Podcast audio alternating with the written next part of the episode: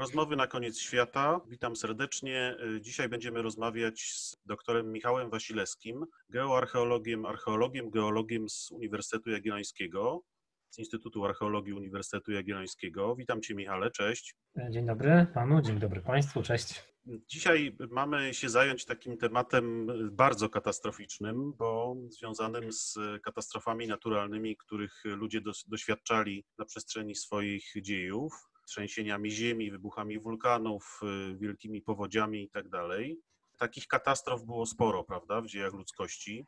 Można tak powiedzieć, można tak powiedzieć, aczkolwiek to nie jest odpowiedź jednoznaczna. Kryje się tutaj wiele pułapek, Sama wielkość katastrofy mm, jest problematyczna do zdefiniowania czy dostrzeżenia. Każdy, kto przeżywa jakąś, jakieś wydarzenie nagłe, naturalne, uważa, że ono było największe w ogóle do tej pory, jakie się wydarzyło i że jego wpływ na życie zasadniczy jest. To jasne, ale, ale ja mam na myśli takie katastrofy, takie wydarzenia, które wpłynęły na życie całych społeczności, całych kultur, czasami nawet w sposób ostateczny, niszcząc różne, różne społeczności albo przynajmniej zmuszając je do bardzo znaczących zmian. E, no a w każdym razie pozostawiając trwałe ślady w ich funkcjonowaniu, na tej płaszczyźnie materialnej, fizycznej, ale także na płaszczyźnie na przykład duchowej, związanej z religią, ze sztuką. Takich katastrof też trochę pewnie możemy znaleźć. Ja pozwoliłem sobie zrelatywizować Twoje pytanie na początku, e, nieco e, usiłując zepchnąć to w kierunku żartu, ale zupełnie poważnie mówiąc, to myślę, że można zacząć od e, takiej wycieczki historyczno-naukowej, ponieważ bardzo długi czas w nauce, w archeologii, a również w geologii wypierano katastrofy. E, uważano, że katastrofy takie o charakterze geologicznym, naturalnym, jak powiedziałeś, nie miały zasadniczego albo w ogóle nie miały wpływu na rozwój e, kultur czy cywilizacji. To jest efekt pewnej historii, która mm, łączy się z narodzinami geologii, również archeologii i zaczyna się jeszcze w XVIII wieku. No ale przecież jedną z y, najbardziej znanych chyba ludziom na całym świecie opowieści religijnych jest opowieść o Wielkim Potopie, funkcjonująca w różnych kulturach, w różnych społecznościach. Tak, oczywiście. To jest potop czy katastrofy związane z zalaniem jakiegoś obszaru, e, znalezieniem się go pod wodą,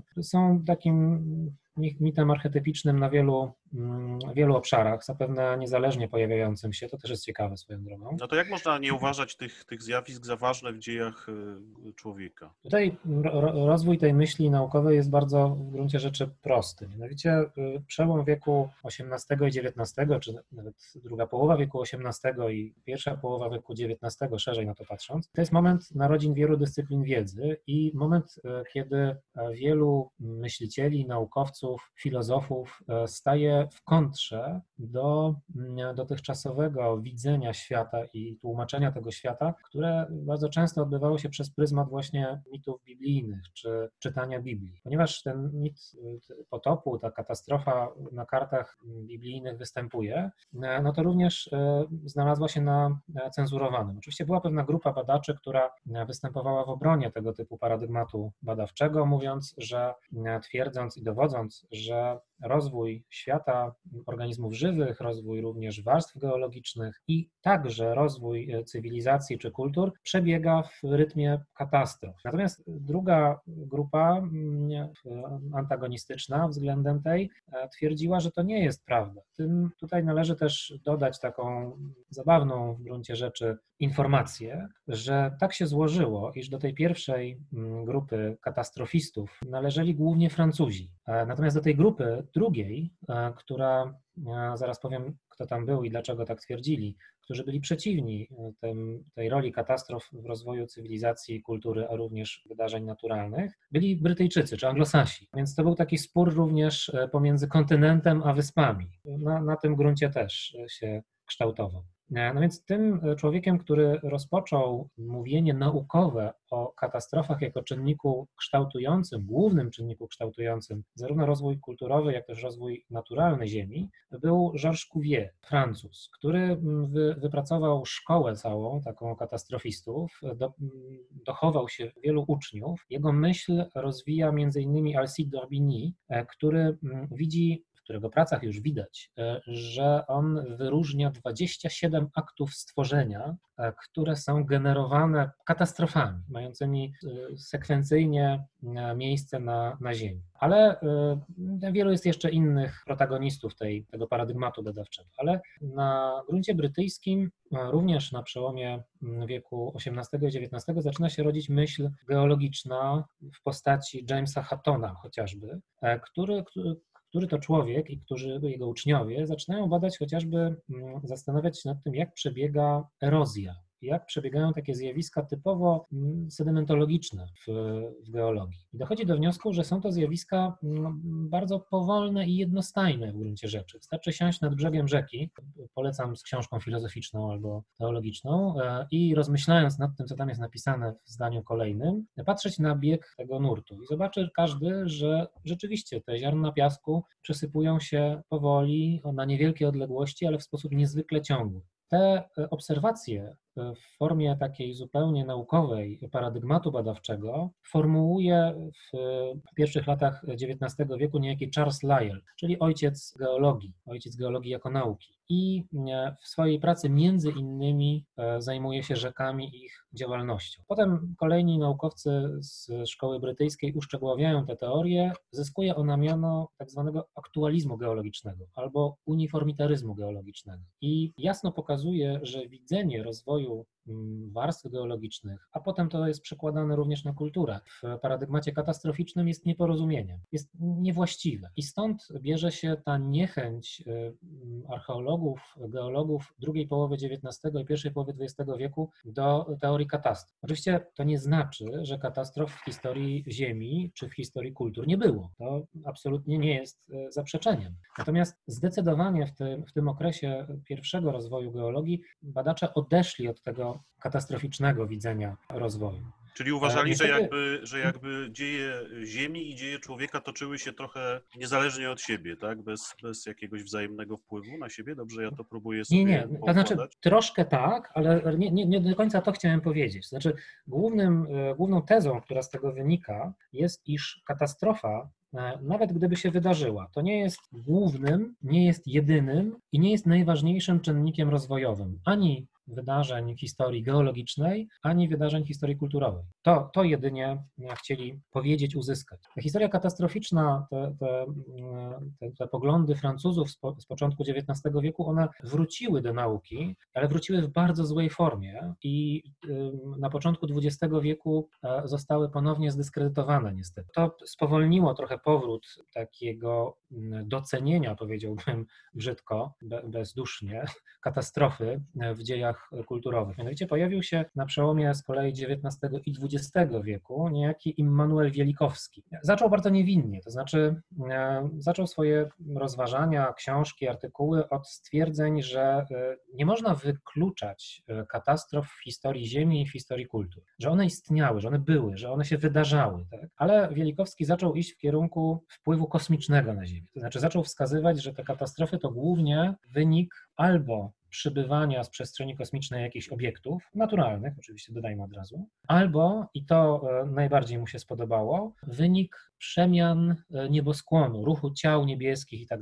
E, zwracał uwagę na to, że pozycje gwiazd, pozycje planet mogą wpływać na wydarzenia geologiczne na Ziemi, mogą też wpływać zatem na kulturę. I twierdził, że tego typu zjawiska, przemiany kosmiczne są odpowiedzialne za większość wymierań na przykład na powierzchni naszej planety co zupełnie nie znajdowało pokrycia w faktach, zupełnie też nie był w stanie tego udowodnić w jakikolwiek naukowy sposób. Ale niezrażony tym szedł dalej, twierdząc, że mm, to, co, od czego zaczęliśmy, że właśnie ta mitologiczna pamięć, bardzo powszechna w kulturach, jest dowodem na to, że katastrofa jest jakimś najważniejszym czynnikiem kulturotwórczym. No i przy okazji jeszcze gatunkotwórczym na, na Ziemi. No i to, y, ta, ta, ta jego koncepcje dosyć szybko mm, zdyskredytowane, odsunięte poza margines y, nauki, spowodowały, że znowu archeolodzy nabrali takiej niechęci do y, widzenia katastroficznego. Dopiero historia, którą wszyscy dobrze znają, mianowicie Alvarezów, Luisa Alvareza, czyli ojca i Waltera Alvareza, czyli syna,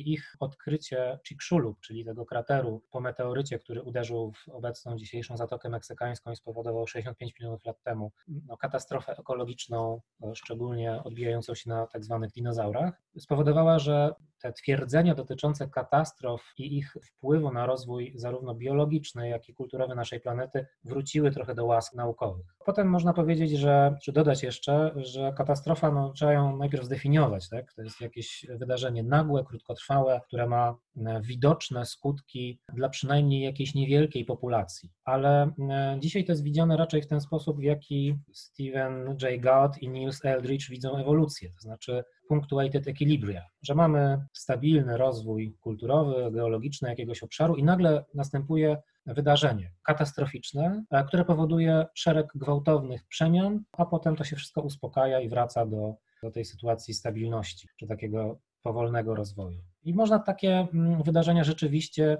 w kontekście różnych grup kulturowych, różnych kultur wskazać. Wydarzenia, które mają swoje źródła w geologii, w klimacie, bo tylko o takich w tym momencie mówię, o innych nie jestem kompetentny, żeby się wypowiedzieć. Tak, o takie, o takie nam dzisiaj y, chodzi. No to spróbujmy znaleźć w dziejach ludzkości kilka takich wydarzeń, które pasowałyby do tej e, definicji, którą podałeś i można byłoby próbować e, zbudować jakąś konstrukcję, która opowie o tym, jaki wpływ na przemiany kulturowe, na, na określone społeczności miały te wydarzenia. Myślę, że najbardziej chwytliwymi, najprostszymi do pokazania, opisania e, wydarzeniami o, o takim charakterze katastroficznym i źródle geologicznym są trzęsienia ziemi e, i wybuchy wulkanów. Bez wątpienia to są dwie kategorie wydarzeń, obie związane zresztą w pewnym stopniu z ruchami górotwórczymi, ale nie, nie tylko, czy niekoniecznie, e, które mm, e, wszędzie znajdowały, w każdej kulturze, która się z nimi zetknęła, znajdowały jakieś odbicie. A czasem te wydarzenia wręcz miały wpływ zasadniczy na przemiany kulturowe o charakterze szerszym, o takim szerszym spektrum geograficznym. Z drugiej jednak strony, mm, wydarzenia są też e, dobrym przykładem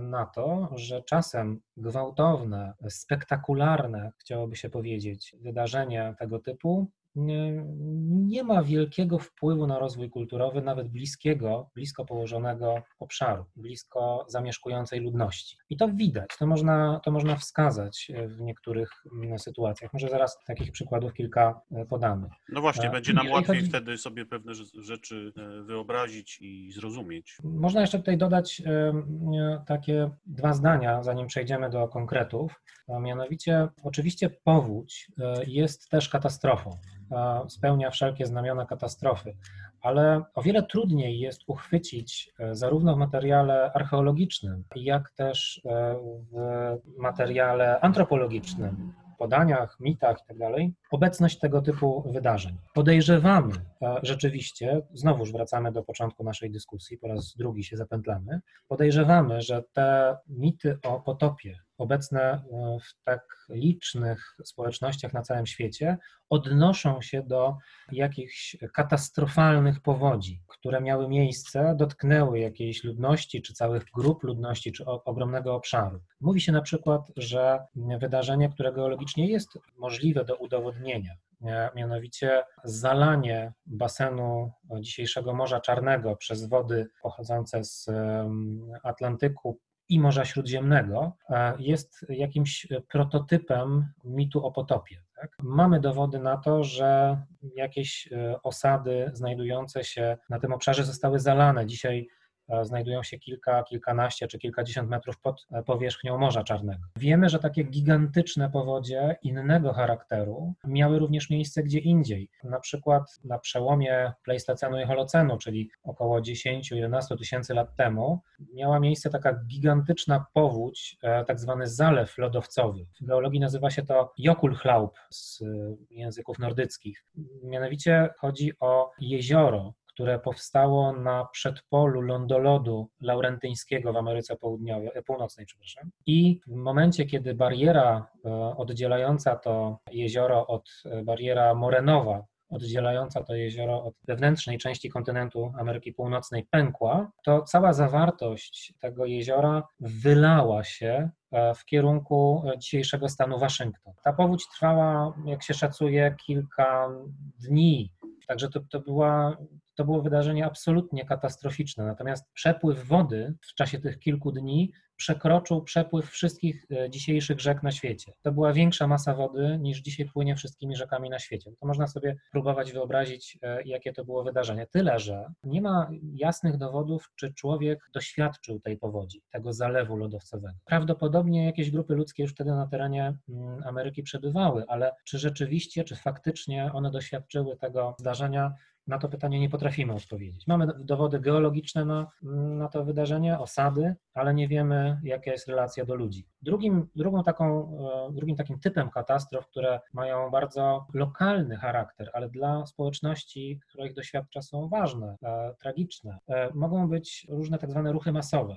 Ruchy masowe, wbrew socjologicznym konotacjom, są wyrażeniem czysto geologicznym, czy również w geologii stosowanym, oznaczają dynamiczne przemieszczenia dużych mas ziemi czy kompleksów warstw skalnych. Na przykład osuwisko czy lawina jest ruchem masowym. I takie gigantyczne lawiny czy osuwiska zdarzały się w historii. Bardzo dobrym przykładem jest lawina, która zeszła z Huascaran w Ameryce Południowej, w Peru, Cordillera Blanca, niszcząc po drodze dwie całe miejscowości całe dwie miejscowości. To jest no, wydarzenie, które e, pozostaje w pamięci. E, no ale czy pozostaje w pamięci na długo, to też jest pytanie, które należy zadać antropologom i tutaj też odpowiedzi nie są jednoznaczne, bo czasami okazuje się, że takie katastrofy wcale nie są długo pamiętane. To jest ciekawe, ciekawe pytanie, które chciałem Ci zadać, ale w późniejszej części naszej rozmowy, właśnie o tą pamięć i o to funkcjonowanie tego typu wydarzeń na, na jakiejś takiej płaszczyźnie kulturowej e, różnych społeczności, ale jeszcze spróbujmy o tych trzęsieniach ziemi i wulkanach czegoś się dowiedzieć. No, wszyscy znamy oczywiście historię wybuchu Wezuwiusza i to jest pewnie o to, co dla większości e, naszych słuchaczy jest tym wydarzeniem najbardziej znanym, ale jakie jeszcze wydarzenia tego typu byś wskazał jako takie ważne, kluczowe? A ja e, będę, e, kontynuując model, w jakim zacząłem, ja będę złośliwy i nie, nie zacznę od innych wydarzeń, tylko właśnie zacznę od tego, które podobno wszystkim jest znane. No, Wezuwiusz. Wezuwiusz. Rzeczywiście to jest wydarzenie, o którym wszyscy słyszeli. Rok 79 naszej ery, opisane przez y, Pliniusza młodszego, chociaż jego wuj, tak, Pliniusz starszy to widzi. Wydarzenie, które wydawałoby się może być takim E, archetypicznym przykładem katastrofy, prawda? No, po prostu niesamowity wpływ na e, otoczenie, na społeczność. Tutaj rzeczywiście no, dowody archeologiczne, to co wiemy na ten temat, jak myśmy to oswoili, że tak powiem, historycznie, to wszystko jest znane, to wszystko robi bardzo duże wrażenie, to, że możemy zwiedzić te miejsca. Tam zresztą ma mm, kilka wydarzeń e, osobnych miejsc, mianowicie Pompeje, które znajdowały się w linii wiatru, wówczas wiejącego, zostały przysypane popiołem.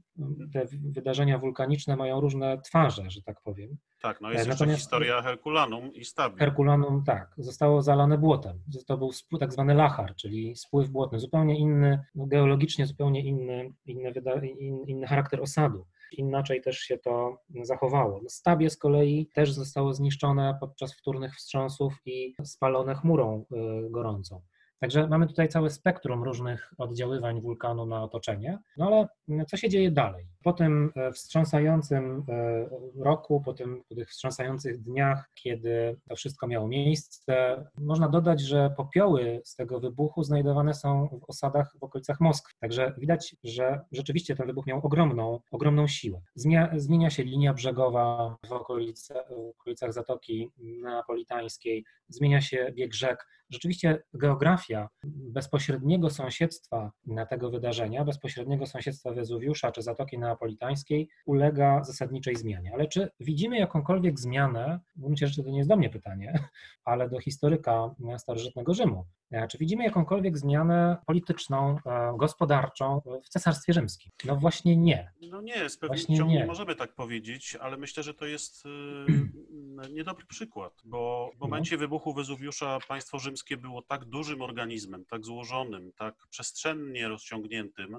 ale z drugiej strony już o tak utrwalonej, utrwalonym modelu funkcjonowania, że takie lokalne w gruncie rzeczy wydarzenie, które zniszczyło y, kilka y, miejscowości sporych, ale nie najważniejszych dla funkcjonowania państwa rzymskiego, takiej, y, oczywiście takiego piętna odcisnąć nie mogło, no ale łatwo wyobrazić sobie, co by było, gdyby taki wulkan zniszczył stolicę państwa rzymskiego, prawda? I no tutaj, jakie, jakie to miałoby skutki dla funkcjonowania tego organizmu? Posługując się trochę mm, tym, co piszą również e, historycy czy, czy geoarcheolodzy zajmujący się mm, akurat tym miejscem, tym okresem, tą katastrofą, dodam parę, parę rzeczy, parę informacji do tego, co powiedziałeś. Mianowicie, mm, rzeczywiście, no, to jest organizm polityczny za duży, żeby na całe jego funkcjonowanie jakaś katastrofa, nawet w wybitnym rolniczym e, rejonie, czyli w kampanii, e, żeby miała, miała wpływ. Ale historycy zwracają uwagę, że po pierwsze, pomimo iż niektórzy kronikarze, Cassius Dion na przykład, sugerują, że po tej katastrofie nastąpiły jakieś odbudowy,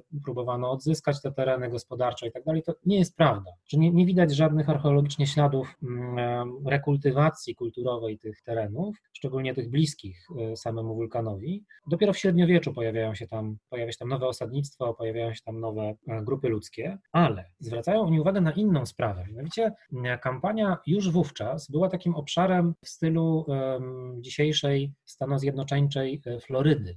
E, mianowicie lokowali się tam bogaci ludzie w swoich willach, gdzie spędzali dużo czasu, ale ci bogaci ludzie mm, zazwyczaj byli już podeszli w wieku. I nastąpiło, e, ponieważ część z nich, część nie była podeszła w wieku, ale też się dobrze bawiła, między innymi właśnie w Pompejach czy Herkulanum, nastąpiło bardzo dużo tak zwanych bezpotomnych śmierci.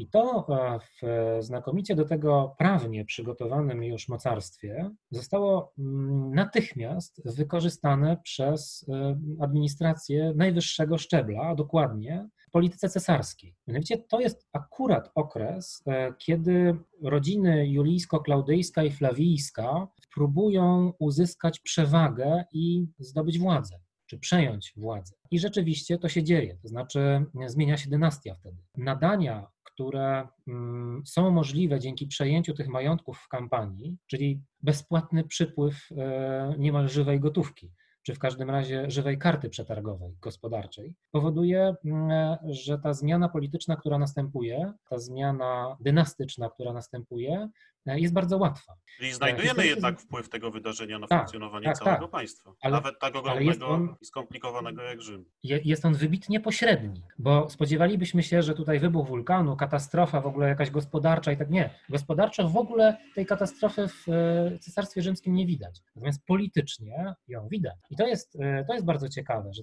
wpływ tych katastrof czy takich wydarzeń niekoniecznie należy widzieć e, w kategoriach zniszczeń e, fizycznych czy przemian fizycznych.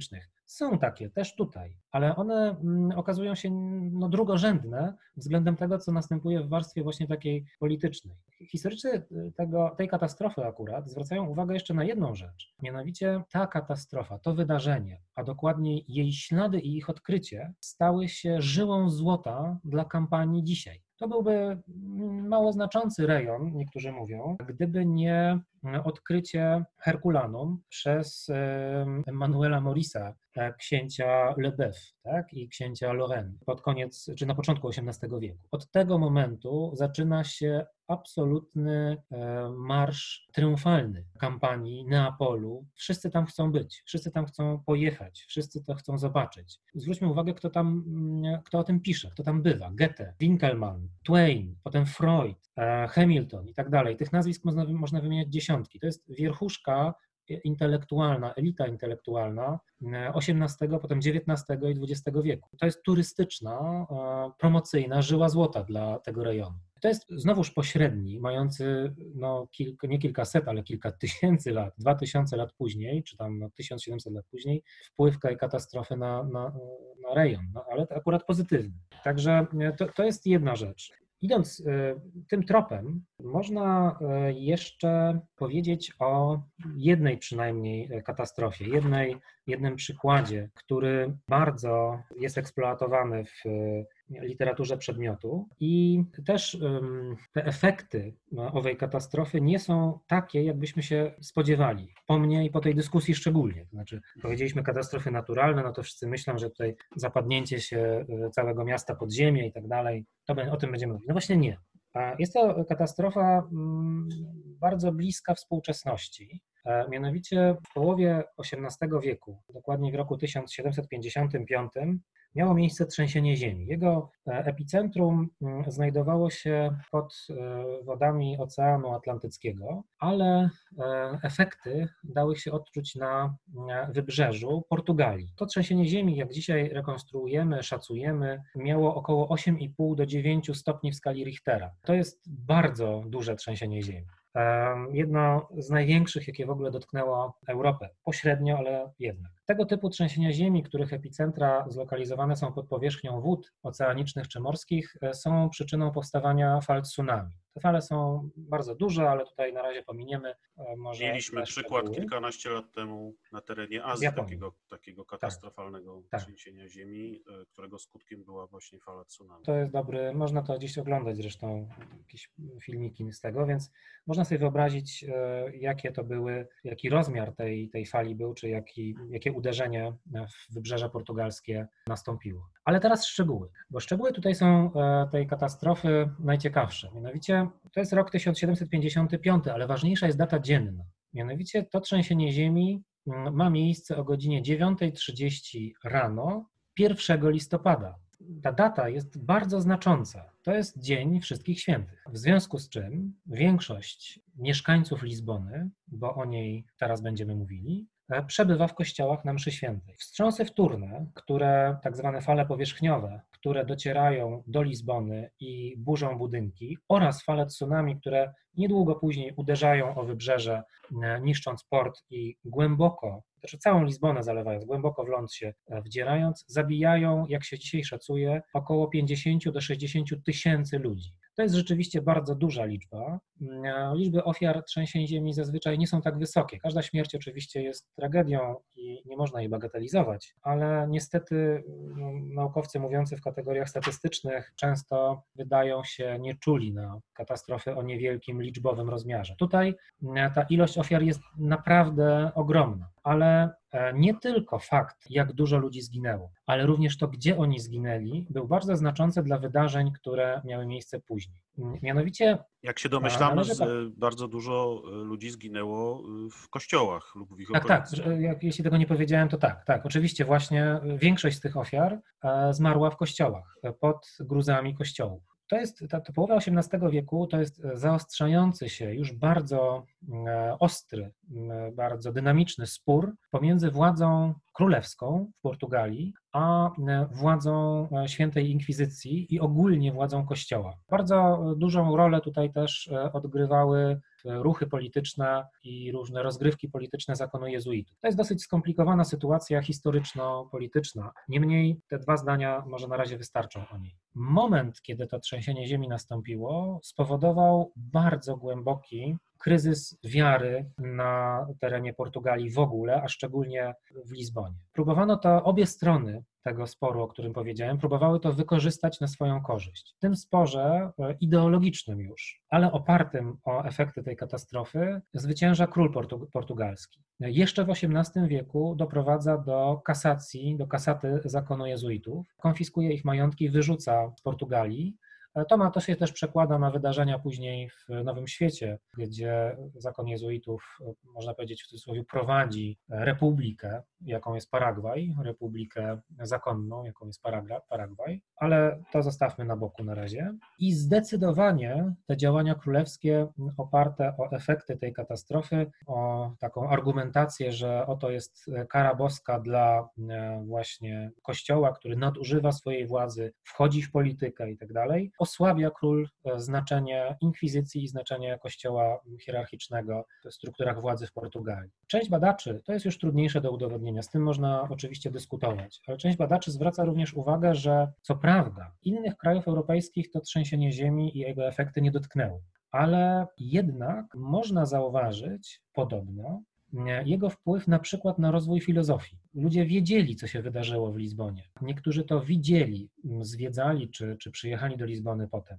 To y, nie tylko, to trzęsienie ziemi, jego efekty nie tylko powodują kryzys wiary w Lizbonie i u Portugalczyków i odbijają się na tym sporze, o którym powiedziałem, ale również uważa się, pojawiają się takie poglądy w literaturze, że wpływa to na wzrost znaczenia nauki kosztem e, myślenia, kosztem rozumienia świata religijnego, że zaczynają przeważać e, poglądy racjonalistyczne nad poglądami i podejściem takim z ogródka, z gruntu e, religijności ludowej. Wskazuje się też, że kryzys filozof, tak zwanej filozofii optymizmu, który też gdzieś w tych latach ma miejsce, Leibniz, Pope, tak, to y, też efekt pośredni tego wydarzenia. Więc mamy tutaj takie dwa przykłady, których może, mam nadzieję, e, widać, że te, ten wpływ katastrof na rozwój kulturowy, na wydarzenia kulturowe nie zawsze jest taki, mm, jakbyśmy Oczywisty. chcieli, bezpośredni, tak, fizykalny. W podsumowaniu e, moich rozważań e, przed studentami, czasem takie rozważania im serwuję, wskazuje na mm, szereg zjawisk czy faktów, które towarzyszą katastrofom, szczególnie takim katastrofom jak wybuch wulkanów czy trzęsienie ziemi, ale też inne. Mianowicie zwróćmy uwagę na to, że zawsze Ziemia to jest taki trwały punkt odniesienia, prawda? E, stanąć na twardym gruncie. Tak, coś, co wydaje się niewzruszone, stabilne, Właśnie. zapewniające nam bezpieczeństwo. I mm, w tym kontekście, w, tym, w tej perspektywie, wydarzenie, jakim jest trzęsienie Ziemi, jest czymś, co absolutnie pozbawia nas bez, poczucia bezpieczeństwa. Wszystko się kołysze, jak na huśtawce. Kto przeżył trzęsienie ziemi, to wie, o czym mówię. No można Ale skorzystać z symulatora trzęsień ziemi. Tak. W, w, niektórych centrach nauki takie symulatory się znajdują. Jest to rzeczywiście doświadczenie bardzo nieprzyjemne, zwłaszcza jak to trzęsienie ziemi już osiąga te parametry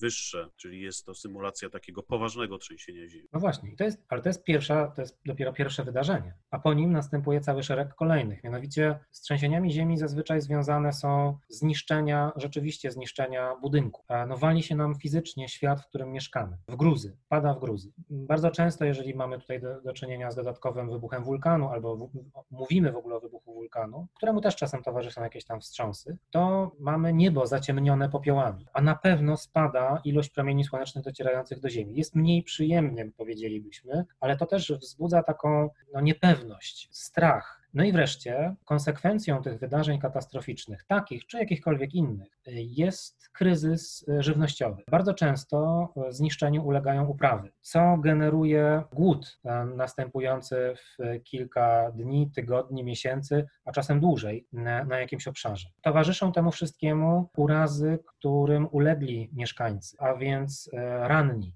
choroby, zaczynają wybuchać epidemie, czy szerzyć się jakieś e, choroby związane z brakiem dostępu do, e, do czystej wody, brakiem dostępu do żywności, niedożywieniem i tak dalej. No jest to katastrofa Nie. przez duże K. Tak, to w zasadzie towarzyszy każdemu takiemu wydarzeniu, niezależnie od tego, jaką ono ma skalę. No, albo będzie miało skalę jakiejś kultury całej, albo tylko jak, jakiejś jednej czy dwóch osad, ale te zjawiska mają miejsce. No i wreszcie pojawia się mm, związana z tym całym stresem e, agresja, przemoc domowa i chęć odkupienia tej katastrofy czy wyładowania tej agresji. E, poszukuje się kozła ofiarnego. Proszę też pamiętać, że y, katastrofa powoduje zazwyczaj tego typu katastrofa zerwanie e, szlaków handlowych, fizyczne albo z, gospodarcze. z innymi społecznościami. Tak, więc nie ma tutaj możliwości, wtedy nie ma, czy nie ma zazwyczaj walmartów jeszcze w takich społecznościach, o których mówimy najczęściej jako archeolodzy, ale nawet i w średniowieczu te problemy aprowizacyjne stają się bardzo poważnym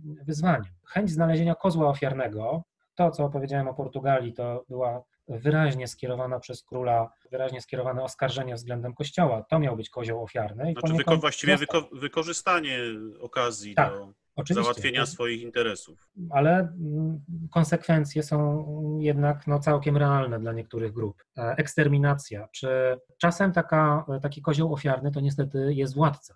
Często się zdarza, że ludność jakiegoś obszaru zwraca się przeciwko władcy. To w katastrofach na przykład obecnych y, regularnie powtarzających się w Ameryce Południowej widać dosyć dobrze. Tam badacze ze Stanów Zjednoczonych bardzo często posługują się takim modelem antropologicznym pojawienia się elity, że oto mm, grupa ludzi pada na pomysł, że przekona, ona przekona pozostałych, że panuje nad siłami natury. i dlatego należy jej się, przysługuje jej jakaś szczególna pozycja w grupie społecznej. W ten sposób rodzi się elita. W gruncie rzeczy w Europie dzieje się podobnie, tylko tutaj z nadania boskiego na przykład pojawia się król czy książę, tak? czy cesarz. No ale w momencie, kiedy w Ameryce Południowej, wracając tam, zaistnieje jakaś katastrofa, i szczególnie jeżeli ona jest dużych rozmiarów i przedłuża się okres jej trwania. Mówimy tutaj na przykład o El Niño. Elita, e, która de facto nie panuje nad zjawiskami przyrody, bo nikt z nas nad tym panować nie jest w stanie, znajduje się na, e, staje się kozłem ofiarnym, znajduje się na tej szpicy winnych tego niepowodzenia kulturowego, gospodarczego, tego niedożywienia czy śmierci pozostałych. No więc obalenie władcy jest, czy władców, czy elity jest częstym efektem e, wystąpienia katastrofy takiej czy innej. No ale też e, należy zwrócić uwagę na takie konsekwencje społeczne katastrofy zdecydowanie mniej przyjemne z punktu widzenia socjologicznego czy, czy antropologicznego. Mianowicie bardzo często obserwuje się zupełne załamanie norm i obyczajów. To znaczy ludzie zaczynają myśleć, to jest naturalne, podobno normalne zjawisko psychologiczne, że oto wchodzimy w jakiś okres specjalny, okres, w którym e, nie obowiązują nas normy żadne dotychczas przestrzegane. Pojawia się, mm, e, pojawiają się gwałty, pojawiają się grabieże, pojawia się przemoc uliczna, rozkwita prostytucja i wreszcie, co też się obserwuje w różnych społecznościach, pojawia się kanibalizm. Czyli mm, widać, że łamane są wszystkie, nawet te najbardziej takie nośne czy trwałe tabu e, różnych społeczności. No, znamy przykłady tego typu wydarzeń, choćby z wielkich epidemii, e, które miały miejsce w e, starożytności. Rozmawiamy tutaj o trzęsieniach ziemi i wybuchach wulkanów, ale epidemia to też jest rodzaj, można powiedzieć, naturalnej katastrofy, która dotyka tak. jakąś, jakąś społeczność. I wtedy rzeczywiście choćby antyczne teksty wspominają o, dokładnie o tego typu zjawiskach, o których mówisz, o totalnym rozprężeniu, takim obyczajowym, moralnym złamaniu wszystkich, wszystkich zakazów, wszystkich tabu, właśnie do kanibalizmu, do kanibalizmu włącznie. Więc jest to chyba taka rzeczywiście cecha naszego gatunku, która się ujawnia w sytuacjach skrajnych. Drugą cechą, jako drugą cechę bym wymienił to, o czym też już wspomniałeś, czyli szukanie kozła ofiarnego, w okresie starożytności czy średniowiecza często były to inne grupy etniczne, inne grupy religijne, słynne dysputy pomiędzy, czy, czy, czy kłótnie pomiędzy chrześcijanami i niechrześcijanami w pierwszych wiekach chrześcijaństwa. Kto jest winny zarazie, czy ci, co czczą Jezusa, czy ci, co nie czczą Jezusa, tylko jakichś innych bogów i tak dalej. Więc to są zjawiska rzeczywiście takie, można by powiedzieć, podręcznikowe, bardzo charakterystyczne dla tego typu sytuacji. Dobrym przykładem takim archeologicznym, też podsumowującym to, co do tej pory powiedzieliśmy, szczególnie w tym aspekcie kulturowym, socjologicznym, e, może być to, co wydarza się na Krecie w tak zwanym okresie późno-minojskim B, 1B, E, kiedy w Kretę uderza fala tsunami, e, jest szereg trzęsień ziemi jeszcze związanych z, z istą falą, czy też generujących tą falę, obserwuje się kilka jeszcze rzeczy, o których nie powiedzieliśmy, mianowicie to, to zniszczenie mm, części osad miast powoduje mm, pojawienie się fali uchodźców. To jest też element, że zerwanie szlaków handlowych to jedno, ale to nie znaczy, że ludzie się nie przemieszczają. Ludzie uciekają jednak lub szukają miejsca, gdzie da się żyć. I to na Krecie jest widoczne też, e, pojawiają się uchodźcy. E, w związku z tym i w związku ze wszystkimi tymi zjawiskami, o których powiedzieliśmy, pojawia się no, zwiększone zapotrzebowanie na wojownika, pojawia się kult wojownika, czy zyskuje prestiż taka funkcja społeczna, żeby nie powiedzieć zawód. Tak? E, na Krecie wtedy też, w tym okresie, o którym mówię, nie dość, że widoczny jest spadek gęstości osad o 80%, to jest no, znamienny czy bardzo, bardzo znaczący duży procent, tak, znaczący procent. E, to na dodatek mamy e, dowody na istnienie kanibalizmu, na zamieszkanie człowieka w jaskiniach, na wycofanie się od wybrzeża, na właśnie te pochówki coraz liczniejsze wojowników i na istnienie nowych przybyszów na jakieś e, dotychczas niezamieszkane przez nich tereny.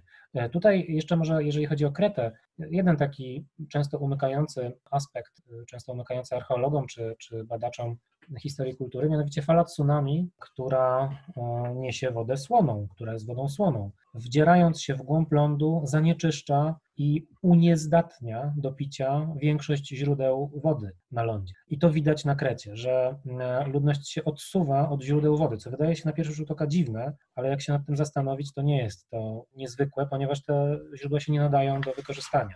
Nie wiem, czy nie za dużo o tym powiedzieliśmy. Mamy tych przykładów e, sporo. Te katastrofy nie muszą być takie spektakularne jak Lizbona czy Wezuwiusz. E, katastrofy mogą być też e, pozornie spokojne. Takie katastrofy wydarzały się chociażby na Islandii. Islandia jest wyspą na Oceanie Atlantyckim, jak wszyscy wiedzą, ale może nie wszyscy wiedzą, że to jest jedna z niewielu, jest to jeden z niewielu fragmentów tak zwanej strefy akrecji, widoczny na powierzchni ponad wodą. Strefa akrecji to jest strefa przyrostu skorupy oceanicznej. Miejsce, gdzie e, dwie skorupy oceaniczne rozsuwają się i nieustannie tam dochodzi w związku z tym do e, wylewów law. E, te lawy są, to są tak zwane lawy małolepkie, czyli wy, wypływają tak jak pasta stópki, są wypychane ku górze. Nie ma spektakularnych eksplozji, nie ma wysokich wyrzutów skał czy jakichś bomb wulkanicznych, natomiast czasem zdarzają się, czego doświadczyliśmy w roku 2010, wyrzuty popiołów, które na przykład nam zaburzyły ruch loty. lotniczy. Tak, ruch lotniczy. No ale to powiedzmy, że to dla zdrowia planety było dobre. E, natomiast również w XVIII wieku, no, taki dziwny wiek jak widać, wtedy też e, parę innych katastrof się wydarzyło, otworzyła się tak zwana szczelina Laki. E, to był rok 1783 i przez trzy miesiące wylewała się stamtąd lawa. Spokojnie, powoli. W zasadzie na kontynencie nic o tym nie wiedzieliśmy. No, nie, nie, miało to żadnego wpływu na, na kontynent. Troszkę były zimniejsze może lata, ale nie jakoś dramatycznie. Natomiast dla e, miejscowej ludności rzeczywiście była to katastrofa, trwająca trzy miesiące, taka trochę dziwna. E, zmarła w każdym razie w efekcie tej katastrofy jedna trzecia populacji, e, ówczesnej populacji wysp. 10,5 tysiąca osób zmarło. Co ciekawe, prawie nikt nie zginął w wyniku kontaktu z lawą, czy popiołami, czy jakimiś gazami wulkanicznymi. Większość z tych osób zmarła z głodu, e, dlatego że ten wylew, wtedy wypłynęło 12 km sześciennych lawy e, ze szczeliny Laki, pokrywając ponad 550 km kwadratowych nową warstwą skał. E, ten wylew zupełnie zmienił morfologię tego obszaru, zupełnie zmienił bieg rzek, ale też zniszczył uprawy, zniszczył pastwiska, no i zabił e, bezpośrednio albo pośrednio poprzez głód stada bydła, co w konsekwencji spowodowało właśnie śmierć e, ludzi. Także nie dziwi, że na takich obszarach jak Islandia, czy jeszcze lepiej, jeszcze lepszy to przykład jak Hawaje, Wyspy Hawajskie, czy wiele wysp polinezyjskich, wulkany, wnętrze Ziemi, przyczyny tych katastrof są ubóstwiane, są miejscem i celem kultu. No właśnie miałem pytać o to, jak, w jaki sposób te społeczności, które wiedzą, że, że żyją, że funkcjonują w takich y, zagrożonych miejscach, no nasze, nasze tutaj tereny, na których się znajdujemy, do takich y, nie należą, ale są takie miejsca na Ziemi i były zawsze. W jaki sposób te społeczności funkcjonują? Czy one mają jakieś specjalne cechy, które są spowodowane tym zagrożeniem? Czy one jako, jakoś się próbują zabezpieczyć przed tego typu sprawami? No i, i właśnie, czy one wprowadzają do tego swojego obiegu duchowego tego typu zjawiska? Już zacząłeś o tym częściowo mówić, o tym ubóstwieniu tego typu miejsc jak wulkany, szczeliny i, i tak dalej. Ale spróbujmy może rozbudować ten temat. Znowu nie ma jednoznacznej odpowiedzi na to pytanie. Niestety, jak, muszę jak, wszystkich jak, zmartwić. Jak bardzo często w nauce? No właśnie. Wydawałoby się, że e, takie sytuacje, takie miejsca czy takie społeczności będą e, czciły te zjawiska czy ich przyczyny, przyczyny, o których sądzą, e, że stoją za takimi zjawiskami. I rzeczywiście tych bogów związanych z podziemiami jest sporo. Sama, sam wulkan, główny wulkan Hawajów, czyli Kilauea, to bogini o ognistych włosach. To jest... No w ogóle sama, sama e, nazwa, samo, samo to określenie wulkan pochodzi przecież z, z, z mitologii. No właśnie, tak. Znaczy, mamy Hefajstosa i wulkana tutaj w, na naszym gruncie grecko-rzymskim, e, ale też w innych, tak, w innych społecznościach e, często zdarza się kult gór, czy kult góry jako takiej, albo góry jako domu Boga. No, Hefajstos, czy wulkan, który tam gdzieś pod ziemią wykuwa nie wiadomo co, czy też wiadomo, w zasadzie doskonale wiemy, co on tam wykuwa, to, to przykład tego domu, no a kult gór, który szerzył się w Ameryce Południowej, w Ameryce Środkowej, to kult nie tyle tego, co dzieje się w górze, co samej góry, która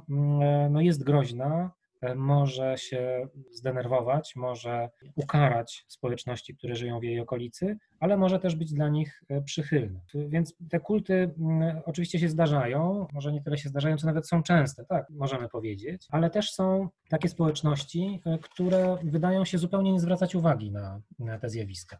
Zdają sobie sprawę z tego, że żyją na terenach wulkanicznych, sejsmicznych, ale nie ma odbicia ta sytuacja w ich mitologii, na przykład w ich wierzeniach. E, w ogóle nie wiadomo dlaczego nie zwracają na to uwagi. Nie ma takiej pamięci tych wydarzeń niektórych społeczności. Na przykład w mitologii Maorysów praktycznie nie ma tego typu odniesień, czy w mitologii Aleutów. To dwa krańce świata teraz akurat wymieniłem przypadkowo, ale e, można takie wskazać. Niektóre pamiętają, niektóre społeczności, jak na przykład na Vanuatu, pamiętają erupcje bardzo dawne.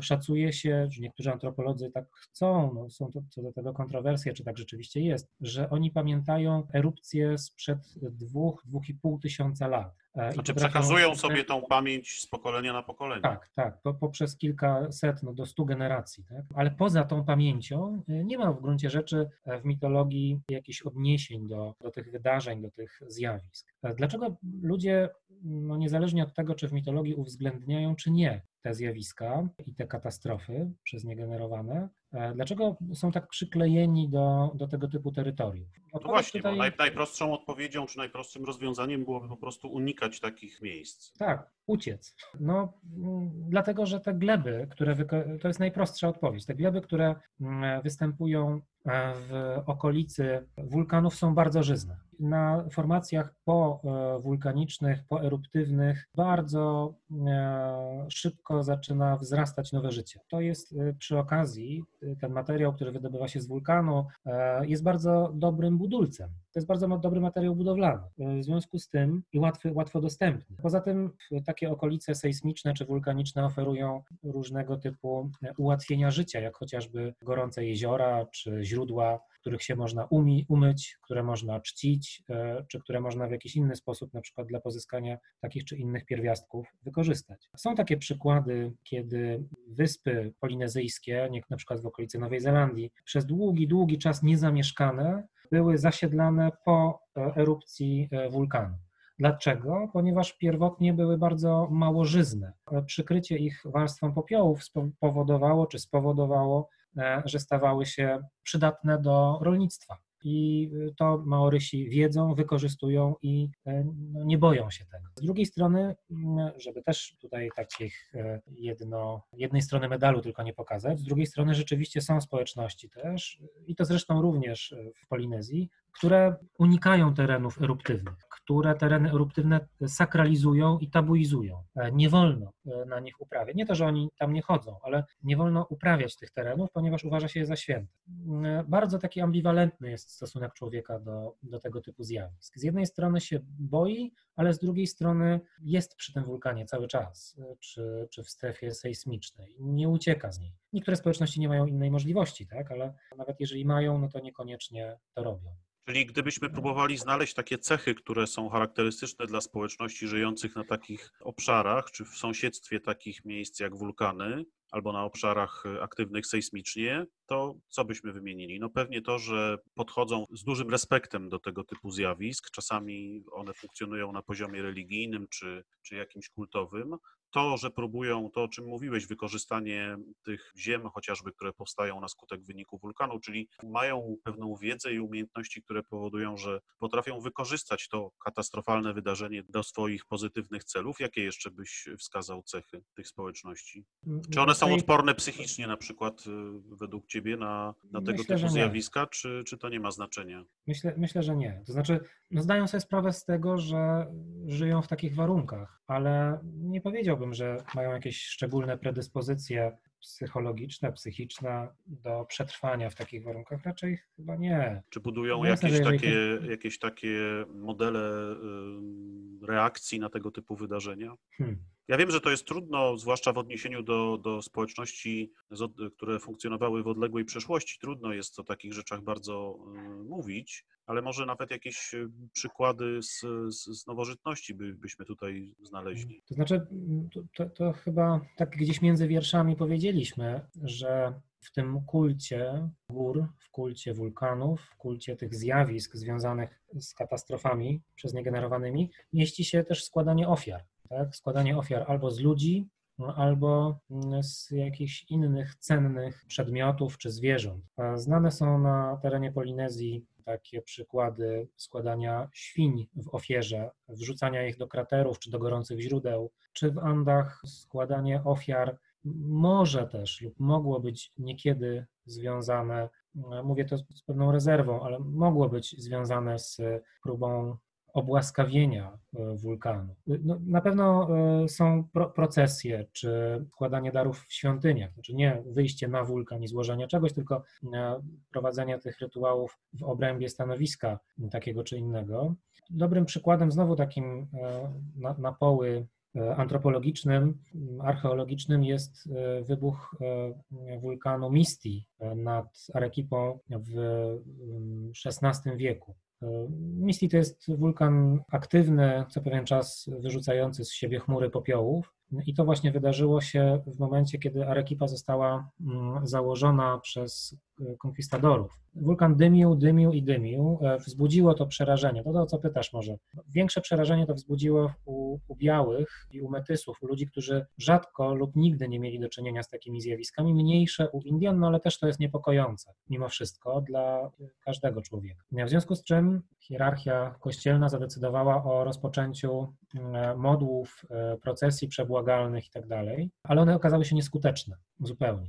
Więc tutaj mamy przykład reakcji takiej religijnej, No religijno-rytualnej. właśnie, cały czas, cały czas pozostajemy w kręgu takiego podejścia duchowego, religijnego Tak. e, do, do, do tego. Ale jeszcze jednej problemów. ciekawej rzeczy tutaj nie dopowiedziałem. Mianowicie, kiedy te wszystkie procesje okazały się nieskuteczne, a jeszcze żyli kapłani inkascy, poproszono ich, czy społeczność w zasadzie, nie, oczywiście nie hierarchia kościelna, tylko społeczność Arekipy poprosiła tych kapłanów, żeby w takim razie te swoje starożytne rytuały odprawili, aby ułagodzić Misti. I Misti zgasła. I pojawił się bardzo duży problem takiej natury teologicznej dla miejscowej hierarchii kościelnej, jak wytłumaczyć to zdarzenie ludziom.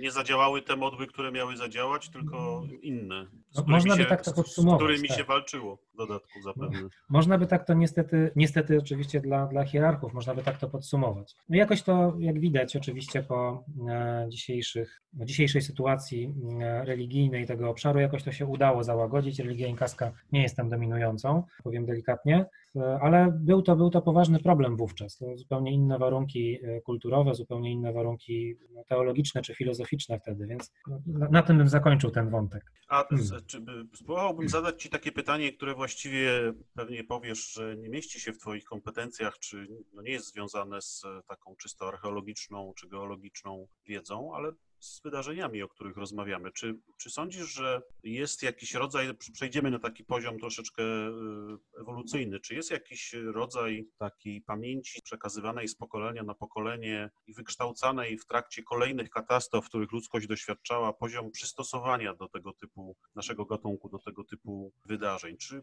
krótko mówiąc, czy my się czegoś uczymy przez te tysiąclecia, stulecia tego typu katastrof? Czy my nabywamy jakiejś, jakiejś wiedzy? No, oczywiście rozwijamy się technologicznie, umiemy sobie z pewnymi rzeczami do pewnego stopnia radzić, zabezpieczać się przed powodziami, próbujemy przewidywać wybuchy wulkanów, trzęsienia ziemi. Oczywiście nie jesteśmy w stanie przed nimi się zabezpieczyć w sposób jakiś znaczący, ale próbujemy budować na przykład w taki sposób, e, żeby te konstrukcje były odporniejsze. Ale czy, czy, czy właśnie można spróbować potraktować to w ten sposób? Powiedzieć, że my dzięki tym tysiącleciom doświadczeń z tego typu wydarzeniami w jakiś sposób się ewolucyjnie do nich przystosowujemy? Rzeczywiście chyba tutaj rozpocznę od stwierdzenia, że jak słusznie na początku zauważyłeś, nie mam kompetencji, żeby udzielić taką odpowiedź, takiej odpowiedzi. Ale opinię możesz mieć. Wydaje mi się, że nie. To znaczy, ewolucyjnie pod względem biologicznym, no nie mamy żadnej tutaj szczególnej kompetencji względem tego typu wydarzeń ta kompetencja naszego gatunku, którą jest bardzo duża plastyczność przystosowań. Miałem na myśli raczej, raczej tą płaszczyznę właśnie psychologiczną i taką związaną z, z produkcją instrumentarium, z no, tego typu sprawami. Bo fizycznie oczywiście no, nie jesteśmy ciągle jeszcze odporni na temperaturę lawy czy na spadnięcie z, z dużej wysokości w, w czasie trzęsienia ziemi i pewnie długo nie będziemy jeżeli pojawiają się takie, jeżeli pojawia się taka odporność, że tak powiem, to w społecznościach, które tego doświadczą, one w jakiś sposób, społeczności żyjące w takich strefach, czy społeczności, które doświadczyły jakiejś katastrofy, w pewien sposób się być może uodparniają na te zjawiska. W każdym razie są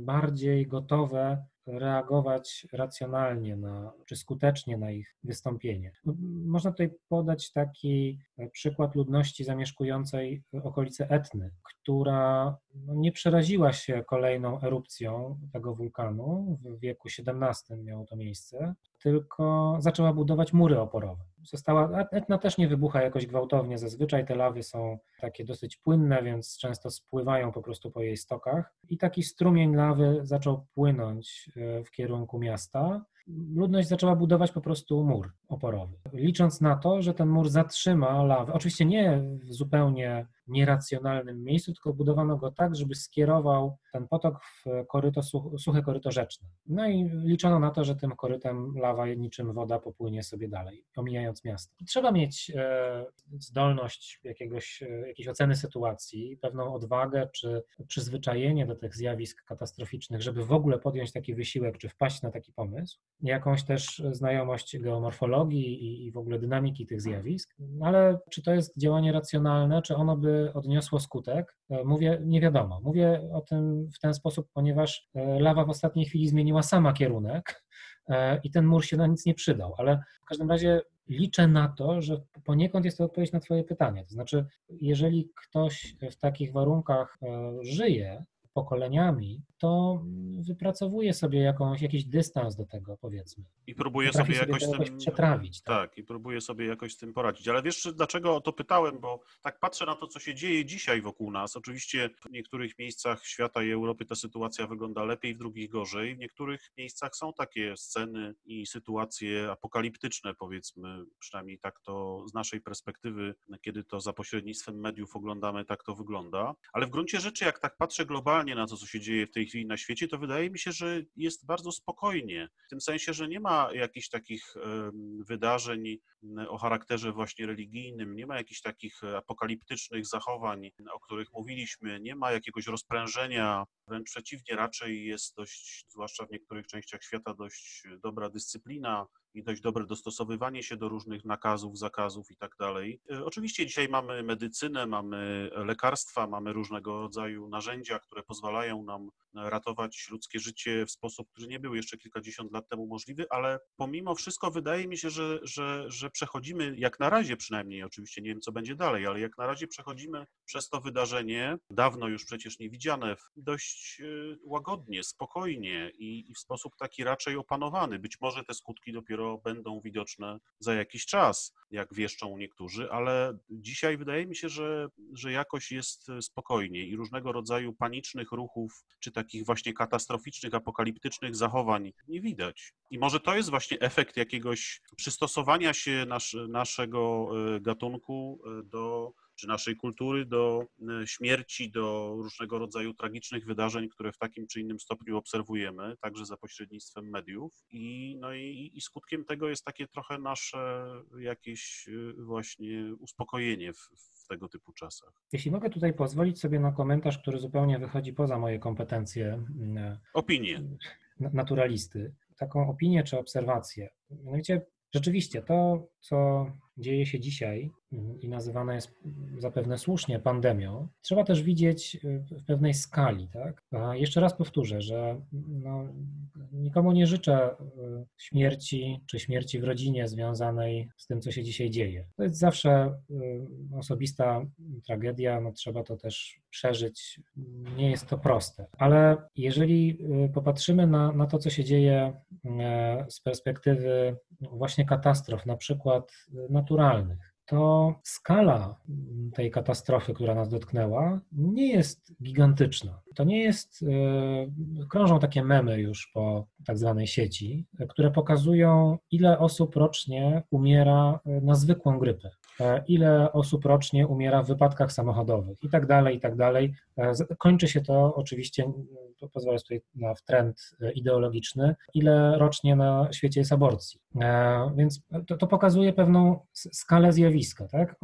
Zacząłem od tego i znowuż to podkreślę. Każda śmierć jest tragedią, ale no, no statystyka jest chłodna, zimna, i pokazuje, że efekty tej pandemii nie są w gruncie rzeczy tak gigantyczne, jakby chciały media. Mam wrażenie, że to jest strasznie mm, podkręcane, to co, to, te informacje, które do nas docierają. Rzeczywiście społeczności zachowują się ogólnie bardzo dobrze te środki, nawet jeżeli są, czy wydają się przesadzone, to są skuteczne. E, na pewno odnosimy tutaj jako gatunek e, sukces w walce z tym, co nas spotyka. Na tyle, na ile pozwalają nam nasze, nasza wiedza, medycyna i tak dalej, odnosimy sukces. No właśnie, wszystko, czyli, czyli być, mo, być może nauczyliśmy się e, pewnych rzeczy, które pomagają nam w walce z tego typu rzeczami. Jedną z tych rzeczy może być właśnie nie buntowanie się, tylko dostosowywanie no, się do tak. pewnych zasad, prawda, po to, żeby zwalczyć taką czy inną katastrofę, a nie obalanie, tak jak mówiliśmy o przykładach z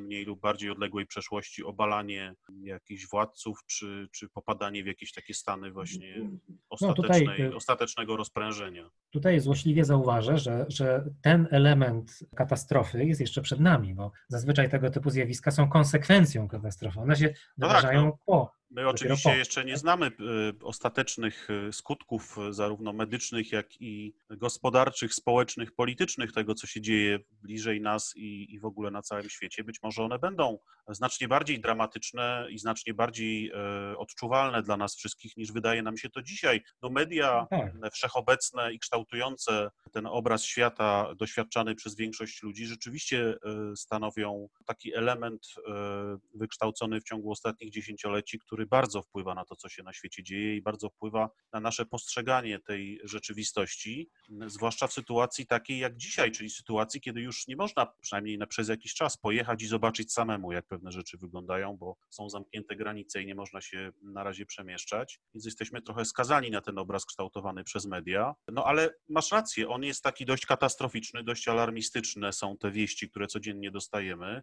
Być może chwilami w jakiś sposób wyolbrzymione czy podkoloryzowane tak żeby bardziej do nas trafiały, a mimo to jesteśmy dość spokojni w naszym kraju i w, w, także w innych miejscach na świecie. I tych wszystkich, jeszcze raz to powtórzę, bo to mi się wydaje ciekawą obserwacją, tych, tych wszystkich rzeczy, które przy innych katastrofach, epidemiach, trzęsieniach ziemi, huraganach, wybuchach wulkanów, tych, o których mówiłeś, ale także wielu innych, o których nie, nie wspomnieliśmy, tych wszystkich elementów związanych z, z niepokojami społecznymi na razie przynajmniej nie obserwujemy. No właściwie w żadnym chyba kraju w sposób znaczący nie pojawiły się rozruchy, nie pojawiły się jakieś konflikty społeczne, nie pojawiły się próby obalenia władzy z tego powodu, więc, więc to wydaje mi się jakąś, jakąś chyba taką cechą, która jest efektem naszych doświadczeń. Być może, być może masz rację. Tutaj no, nie wykracza to poza moją wiedzę czy, czy umiejętność jakiegoś takiego podsumowania polityki gospodarki współczesnej, współczesnej społeczności, ale zapewne masz, masz w tym względzie rację. Niestety musimy poczekać jeszcze pewnie chwilę, żeby tak, no, zobaczyć, no, czy może się okaże, się sprawdzi, że te, właśnie, czy te, że te obserwacje są zupełnie błędne. To może spróbuję Ci na zakończenie zadać trochę yy, inaczej to pytanie, albo może będzie to w ogóle inne pytanie. Jakie wnioski płyną dla nas z obserwacji tego typu wydarzeń, które miały miejsce dziejach ludzkości, tych, o których wspominałeś i, i, i wielu innych. Jakie my dzisiaj możemy z tych wydarzeń wyciągać wnioski? Co nam daje badanie tego typu zjawisk? Bo zajmujemy się badaniem przeszłości, także od strony nie tylko archeologicznej, ale i tej związanej z, z dziejami Ziemi, z geologią. Co nam to daje? Coś, czego się dowiadujemy o, o Ziemi, o sobie, o, o tych wszystkich zjawiskach, o których rozmawialiśmy, badając tego typu historie? Bardzo, znowu bardzo rozległe i trudne pytanie w gruncie rzeczy. No ja, ja, zacznę od tego, ja nie wiem, ile jest teraz ofiar, e, przepraszam, że o to zapytam, e, śmiertelnych ofiar e, tego COVID-19. Nie, nie pamiętam, ale wydaje mi się, że kilkadziesiąt tysięcy.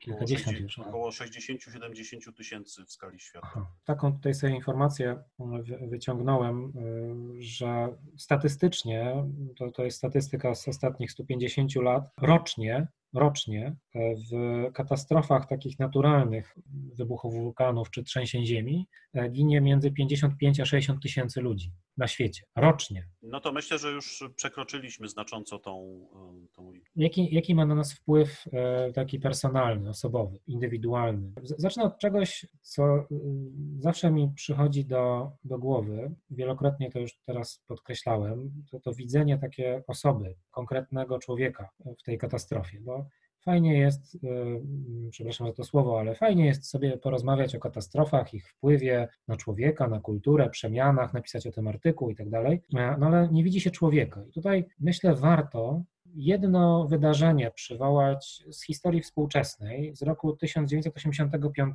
Mianowicie e, znowuż katastrofą. Wybuchł wulkan Nevado del Ruiz.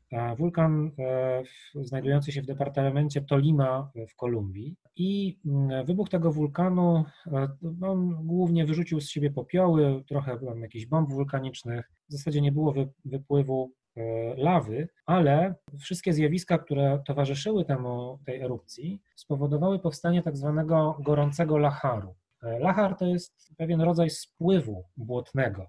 Tak jakbyśmy sobie wyobrazili, że gigantyczna betoniarka nagle cały swój ładunek wyrzuciła w jakieś miejsce i on spływa po prostu po stoku góry. No to jest niesamowicie niszczycielski ruch masowy właśnie, topiący wszystko e, na swojej drodze i przykrywający warstwą takiego zastygającego, tężejącego, gorącego błota. Ten lachar, e, który zszedł e, z Nevado del Ruiz na miasto Armero, pędził z prędkością, jak się szacuje, 40 do 60 km na godzinę. To niebagatelna prędkość, mimo wszystko. Trudno się przed takim jęzorem ucieka. I w ciągu około pół godziny przykrył całe miasto warstwą osadów o miąższości ponad metra. 40 km kwadratowych e, zostało tak e, zatopionych. No i zanim 22 e, tysiące osób poniosło śmierć w większości na miejscu, no ale część zmarła pewnej odległości czasowej od tego wydarzenia. I jedno tylko, jeden epizod tutaj jest istotny dla tego, co mówię, dla osoby. Mianowicie w pewnym momencie dość szybko dotarła tam oczywiście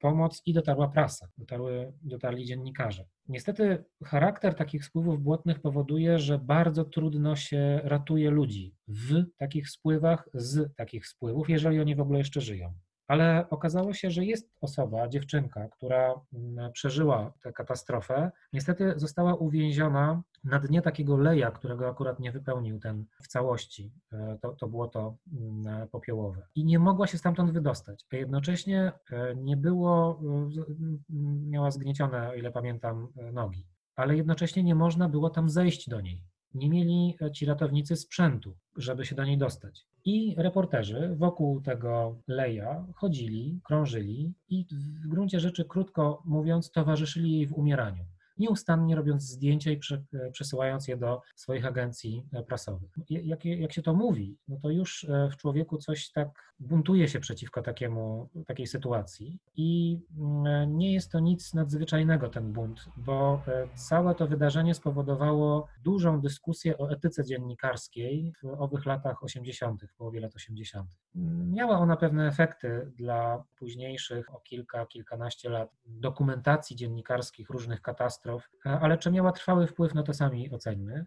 Pozostaje tylko, no właśnie, samemu to zapamiętać i odpowiedzieć sobie na pytanie, czy tak można, czy mówiąc, czy pisząc, czy fotografując tego typu zdarzenia, nie należy zawsze przypominać jednak, wracać do tego, że, że to są ludzie, że tutaj niezależnie od tego, e, jakbyśmy to chcieli odczłowieczyć, to jednak to jest życie ludzkie za każdym razem, które na tym cierpi. Nawet gdyby były, była jedna ofiara takiej katastrofy, no to, to jest jakiś problem dla kogoś, jakaś tragedia. A każdy z nas, przechodzę teraz do trochę lżejszych rzeczy, powiedzmy, przynajmniej e, etycznie, każdy z nas jest w takiej katastrofie, czy, czy w zasięgu takiej katastrofy się znajduje, jest zagrożony taką katastrofą, mniejszą czy większą. Wydaje się nam, że żyjemy, ja też lubię ten kraj, dlatego że żyjemy w bardzo bezpiecznym geologicznie otoczeniu. Nie ma u nas aktywnych wulkanów, nie ma trzęsień ziemi jakichś znaczących. Wstrząsy sejsmiczne jakieś są, ale takie pomijalne w zasadzie nikt ich nie czuje. Ale to nie do końca tak, bo mm, te katastrofy no, są immanentną e, cechą naszej planety. Ona żyje cały czas. Cały czas coś się tam pod spodem dzieje. I niedaleko nas w gruncie rzeczy, mianowicie w tak zwanych reńskich górach łupkowych, to pogranicze Czech i Niemiec dzisiejszych, rozpościerają się niezwykle malownicze jeziora Lacher. Te jeziora są niczym innym, tylko zalanymi e, kalderami wulkanicznymi. To są po prostu kratery, niegdysiejsze, stare kratery wulkaniczne. Góry Eiffel, czyli właśnie te reńskie góry łupkowe, to w dużej mierze góry o pochodzeniu wulkanicznym. I ostatni raz, jak wiemy z badań geologicznych, owe Lachersee, czyli jeziora Lacher, wybuchły około 11 tysięcy lat temu. Czyli już tutaj człowiek był już po kulturze magdaleńskiej. Ta erupcja była gigantyczna. E, te trzy otwory, które pozostały w ziemi, właśnie są jej pochodną. E, szacujemy dzisiaj, że popioły z tej erupcji wzniosły się na 40 km do góry. To jest wysokość porównywalna z wybuchem Krakatau, o którym większość zapewne z Państwa słyszała, tego indonezyjskiego wulkanu pomiędzy Jawą i Sumatrą. I głównie te popioły spadły na terenie e, dzisiejszej Republiki Federalnej, ale docierają też do Włoch. Znane są te popioły z naszych terenów. Potem ta erupcja była tak gwałtowna, że komory magmowe się zapadły, no i powstały właśnie takie tak zwane mary, czyli jeziora w zapadniętych komorach wulkanicznych. Ale, co dla nas jest najważniejsze w tej opowieści, to góry Eiffel cały czas mają czynne wulkany. One są uśpione, bardzo takie niechętne do obudzenia się, niczym rycerze pod Giewontem, ale jednak są czynne. I geolodzy szacują, sejsmolodzy, wulkanolodzy szacują, że wybuchają raz na 100 tysięcy lat, ale być może takie drobniejsze erupcje zdarzają się częściej i niektórzy y, uważają, że w ciągu y, najbliższych kilku, kilkudziesięciu lat mogą znowu się uaktywnić. Więc niedaleko nas jest dość y, niebezpieczny wulkan posadowiony. To też tak gwoli podsumowania. Trzeci... Czyli badając tego typu zjawiska, trochę też się sami przygotowujemy na to, co może się wydarzyć jeszcze Zdecydowanie, za naszego tak. życia. Mhm, zdecydowanie tak. No, jest to bardzo trudne. Wulkanologia, przewidywanie wstrząsów sejsmicznych czy wybuchów wulkanów jest niezmiernie e, trudnym zadaniem, ale mm, rzeczywiście mamy narzędzia, które e, umożliwiają nam przynajmniej no, z kilkunastogodzinnym, może kilkudziesięciogodzinnym wyprzedzeniem powiedzieć, że coś będzie miało miejsce. Nie zawsze wiemy co dokładnie, ale mm, jakiej to będzie skali, ale jednak. A ostatnie e, podsumowanie, które bym zaproponował, to taka konstrukcja klamrowa. Domknięcie, zaczęliśmy od, kata, od, y, tych katastrof w historii geologii, w historii archeologii, tak? I ich złej prasy początkowo. No to teraz domknijmy. Mianowicie y, izraelski badacz, y, niejaki Amos Nur, w latach 80. rozpoczął swoje prace geoarcheologiczne czy archeosejsmiczne, jak niektórzy mówią, na terenie Bliskiego Wschodu i zastanawiał się nad tym, czy można na stanowisku archeologicznym wskazać efekty trzęsień ziemi. Czy można powiedzieć, że jakaś, jakiś obiekt lub jakieś stanowisko całe, całe miasto na przykład, zostało zniszczone nie w wyniku najazdu jakiejś nieprzyjaznej grupy, tylko w wyniku czynników naturalnych. I po latach badań, po latach badań, ponieważ ten temat, jak powiedziałem, był bardzo niebezpieczny naukowo, E, doszedł do wniosku, że nie ma innej możliwości wyjaśnienia pewnych wydarzeń na Bliskim Wschodzie, jak wyjaśnienie katastroficzne. wiele tekstów napisał, one są niezmiernie ciekawe, ale skupmy się tylko na jednym wydarzeniu. Mianowicie Amos Nur zauważa, że w XIII i XII wieku przed Chrystusem obserwuje się na stanowiskach archeologicznych, wyróżnił ich prawie 50, no to jest gigantyczna liczba znamiona, znaki, których nie można zniszczenia, których nie można wytłumaczyć inaczej niż poprzez siły naturalne. Pęknięcia murów, przesunięcia posadzek, takie e, czy ślady e, uskoków, powstawania uskoków tektonicznych i tak dalej. Takie ślady, których nie można przypisać e, niszczycielom ludzkim, że tak brzydko powiem. I teraz zauważmy, co to jest za okres. Mniej więcej lata 1220-1170 BC, czyli przed Chrystusem. To jest tak zwany okres wędrówek ludów morza. Ludy tak, morza. Początek epoki żelaza.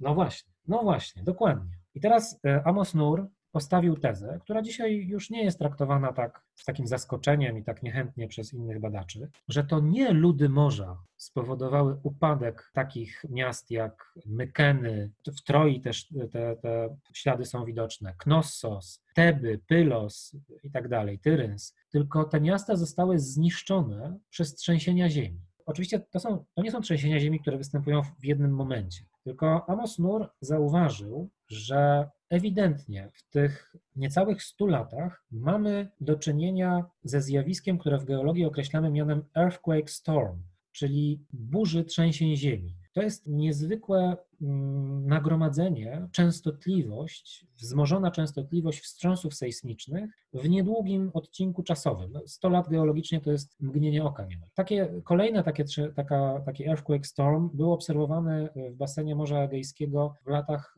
80. E, XX wieku, czy pomiędzy rokiem 40 a 80. XX wieku. I Amos Nur mówi, te kilkadziesiąt miast, które zostało zniszczone w XIII i XII wieku przed Chrystusem, padły w wyniku katastrofy naturalnej, a dopiero na grunt w ten sposób oczyszczony, na grunt kryzysu kulturowego przychodzą ludy morza, które zasiedlają te obszary i zmieniają je kulturowo.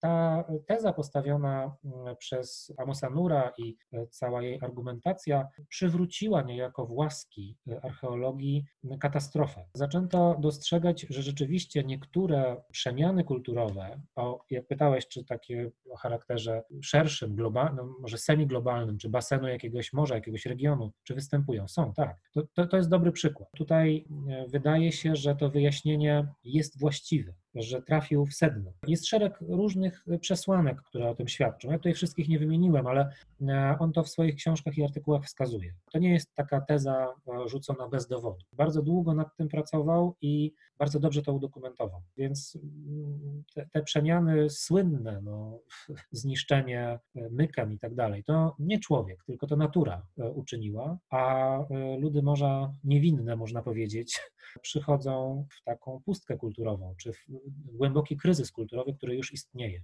Czyli dochodzimy do konkluzji, jak rozumiem, wspieranej czy budowanej przez dzisiejszą naukę, mówiącej, że tego typu zjawiska mają bardzo, mogą mieć i często miały w dziejach człowieka bardzo duże znaczenie i mogły powodować, no, tak jak w przypadku tej teorii, o której przed chwilą opowiedziałeś, mogły budować e, tą kulturową mozaikę na bardzo dużych obszarach, bo tutaj przecież mielibyśmy do czynienia ze zmianami, które zachodziły na bardzo dużym e, terenie. To rzeczywiście tak. bardzo tak. interesująca klamra naszej rozmowy. Mam nadzieję, mam nadzieję, że tym uniknąłem też jakiegoś takiego e, zasadniczego podsumowania, które no chyba jeszcze do niego nie dorosłem. Nawet jeśli teraz uniknąłeś, to nie unikniesz w kolejnych naszych, mam nadzieję, rozmowach i spotkaniach. Bardzo Ci dziękuję za, za tą rozmowę. No i to ja dziękuję za zaproszenie. Życzę zdrowia i cierpliwości, żebyśmy jakoś tą katastrofę w czasach, w której żyjemy w spokoju i w zdrowiu, mam nadzieję, przetrwali. Jeszcze raz też życzę e, wszystkim Państwu i Tobie e, dystansu do tego wszystkiego, mimo tego, co się dzieje medialnie. I tak, spokoju, bo no cóż, nie na wszystko mamy wpływ, jak widać po katastrofach, e, ale wszystko możemy przyjąć mimo wszystko z pogodą ducha.